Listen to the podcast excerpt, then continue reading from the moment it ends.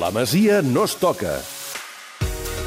Oriol Domènech, bona tarda. Bona tarda, Jordi. Uh, ja és un assumpte recurrent, per desgràcia, però hem d'obrir la barraca parlant de l'Sporting Barça B de demà. Bé, jo no sé si dir que és l'últim tren per la permanència o si l'últim tren ja fins i tot ha, ha passat. No, pot, ser- pot ser l'últim tren. De Ja, fet, vull el, dir- el Barça està a 6 punts del descens. amb Hauríem 12 de en fer joc. un 12 de 12 i encara no estaria gaire clara la cosa. Home, jo crec que amb un 12-12 podria ser. Sí? Hi ha dos equips que estan a 6 punts. Són dos equips que tampoc no estan molt bé, el Nàstic i l'Almeria, que potser no guanyen els dos, dos de quatre partits. Però bueno, també difícilment el Barça farà 12 punts perquè el calendari que té també és tremendo.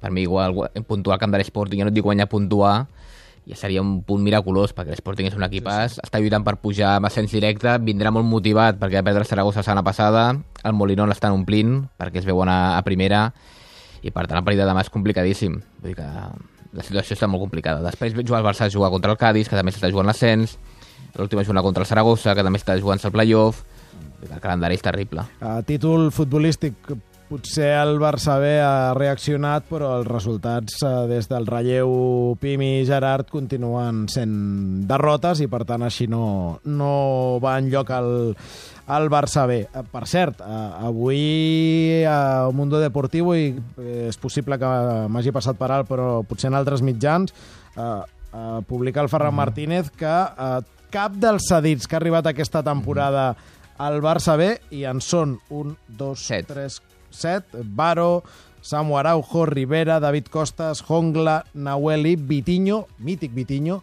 cap no continuarà la temporada vinent. I això ja ho sabem abans que se certifiqui el descens, cosa que parla d'un fracàs. És, és una mica la confirmació de, de la planificació errònia a- en dos sentits. Tant, tant a nivell filosòfic, això hem dit moltes vegades, que el Barça B no té per què tenir set jugadors cedits, hi ha més equips com el Granada i com l'Eibar, i també en l'elecció, perquè al final del set l'únic que ha tingut una aportació una mica positiva és David Costas, que inclús ha tingut minuts amb el, amb el primer equip.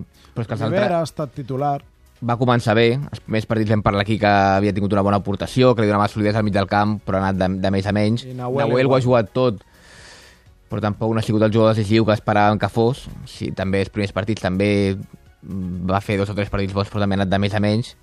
I per tant, bueno, ja, ja és l'esperar que del set no segueixi cap, però és una mica la confirmació de que la planificació i les coses han de canviar. De Jo- que no pot ser que el Barça B tingui set jugadors cedits altres equips. Jo reconec que, que al principi em vaig il·lusionar amb Vitinho, eh? però, però no, al final no, no, no, no ha reixit. Uh, per cert, avui el Ferran parlava d'operació Harvard o operació Oxford, una cosa així, en la seva... No, no, no, és que m'ha cridat molt l'atenció l'expressió com si fos una... Això, això ja s'ha separat altres vegades. Sí? Una, com si fos una cosa universitària que dius, de veritat?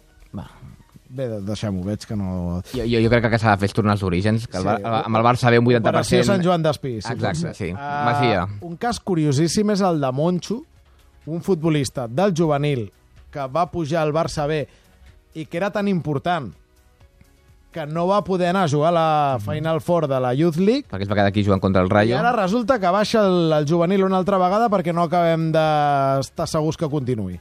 Jo, jo crec que per, per aquí van els tiros. La veritat és que la, la, la postura del club i la versió oficial del club és que s'han recuperat jugadors i que en els últims partits jugaran els que han jugat tota la temporada amb el Barça B, els, els més veterans, els que tenen més experiència, i que per tant Moncho baixava amb el juvenil A per jugar a la Copa del Rei.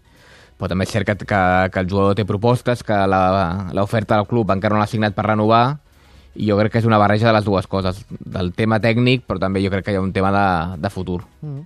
I per uh, acabar, mm, precisament uh, parlant de, de Moncho, Copa del Rei Juvenil, el Barça no va poder guanyar la Copa de Campions, però la que té, diguem, solera, prestigi, és la Copa del Rei. El Barça uh, comença amb el Betis. I comença amb una grandíssima eliminatòria, que és contra el Betis, que el Betis sempre té bons equips. No va guanyar el grup eh, andalús, perquè el va guanyar el Màlaga, però em consta que té bon, bon equip. Primer allà i després Primer aquí, Ah, dium primer aquí. diumenge a les 12 al Ministadi, que normalment la Copa del Rei Juvenil ja no juga a ciutat esportiva, sinó que juga al Mini, per donar-li encara més rellevància, i per tant és un partit per anar-lo a veure, i és una competició, la veritat és que és molt atractiva. Molt bé, doncs ja hem repassat l'actualitat de la Masia. Ens hem deixat alguna cosa al tinter, Oriol? No. No? No. Així m'agrada. Contundent, concís. Oriol, gràcies per venir un divendres més.